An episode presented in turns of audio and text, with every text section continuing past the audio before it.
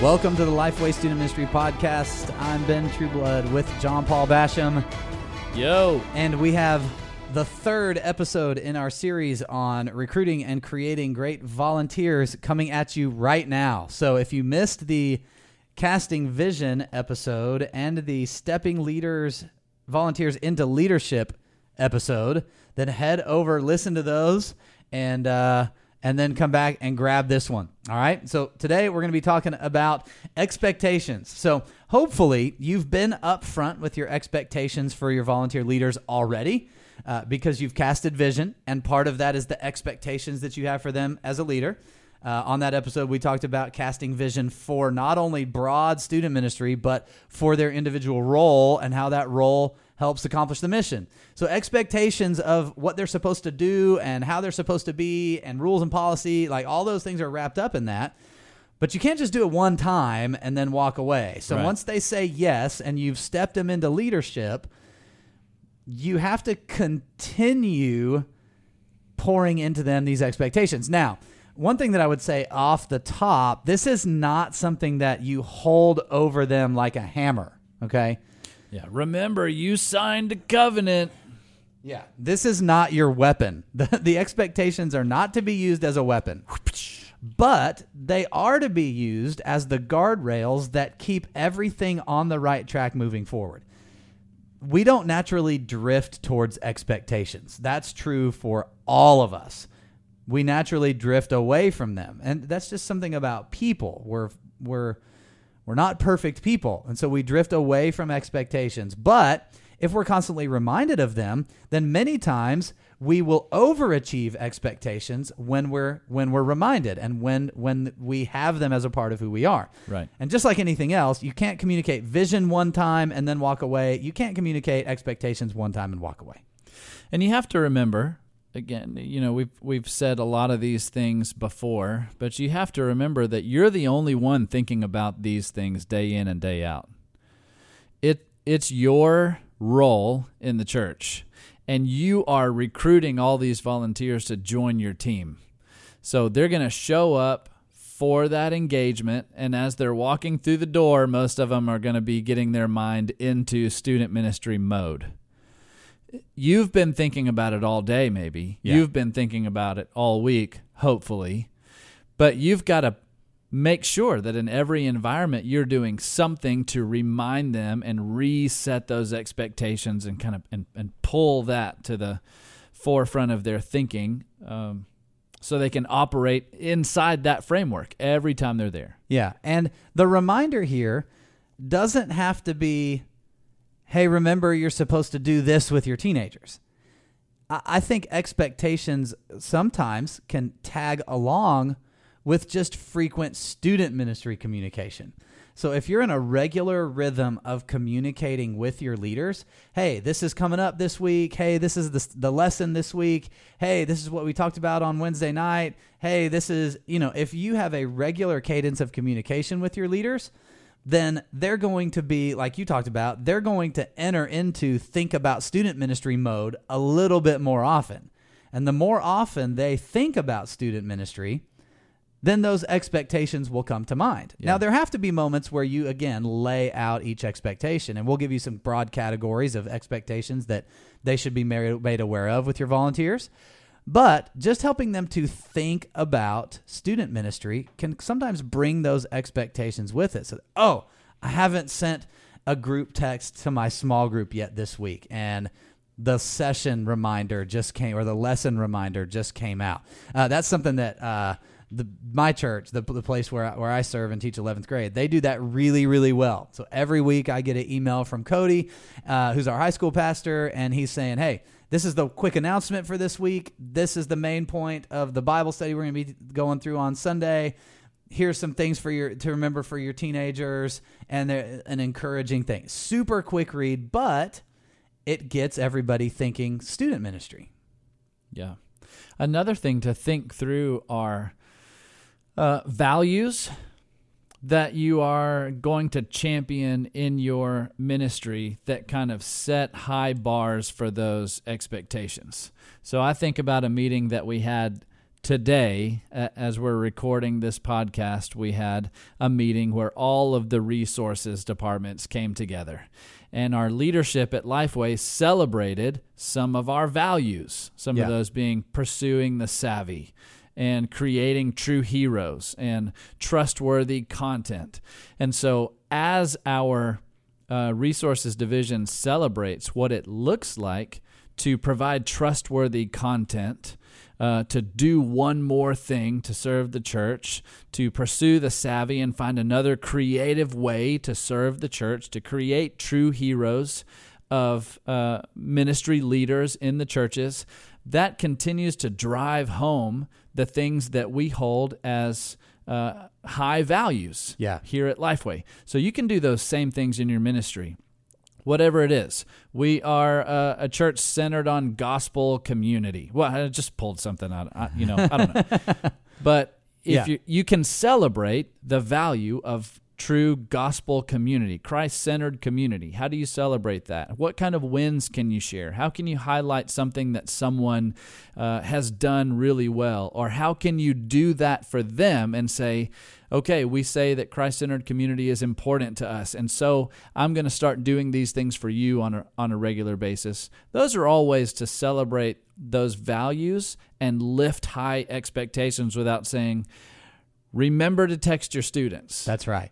Yeah, it's that it's the positive side of the, the of the reminder. And the statement there that that is used a lot. I forget who said it originally, some leadership person along the way, but they said you cultivate what you celebrate. And so that you get it in the system, you get it in the in in the culture of who you are. It grows. It's like planting a field and cultivating plants and vegetables. Anyway, I started to just throw out that it was Mahatma Gandhi. I don't think it was but him. No. Uh, I, I'm I'm willing to bet that it was not. I'm positive it wasn't. but nevertheless, when you celebrate something, uh, you are cultivating that value, and when you when you strategically link it to expectations that you have, and the other volunteers in the room hear you talking about how awesome one volunteer did one of your values or fulfilled the expectations, then they go, "Oh, maybe I should do that." It's a positive reinforcement Okay, so you talked about uh, values, and those can quickly attach to mission. It's kind of like the who we are expectations that we have for leaders. Um, but there are also some really just practical and tactical kinds of things that we have that we need to have expectations of volunteers for, um, like rules, policies, simple things like, hey, don't have a one-on-one conversation with a student inside a closed office. You know, ex- expectations like that that you've laid out for the protection of students, for the protection of leaders. Um, so those kinds of things, the the rules and policies of the ministry. Never Yeah. take a student, give them a ride home by yourself. Like those kinds of things. There need to be semi-frequent reminders of of those kinds of things as well. Yeah, and I, I think those are some of the things that you have them sign their name to in a covenant right up front. And then those are the things that you reiterate before every event where those things are going to be super applicable. That's right. Remember, these are our guidelines. You know, watch out for these things. Uh, and those can be, sometimes those can, um, like especially giving students rides and, and things like that and counseling students. Sometimes you'll have some leaders come back at you and say well you know i, I want to give kids from my from my neighborhood a ride to church and you're telling me i can't have kids in my car and i feel like that's just part of my outreach. Those are places that it's important for you to communicate hey this is just as much for your protection as it is for these students. That's right. and that that can kind of frame that up but yeah i think those are those are crucial And there are things like like that that there's no bending to that rule.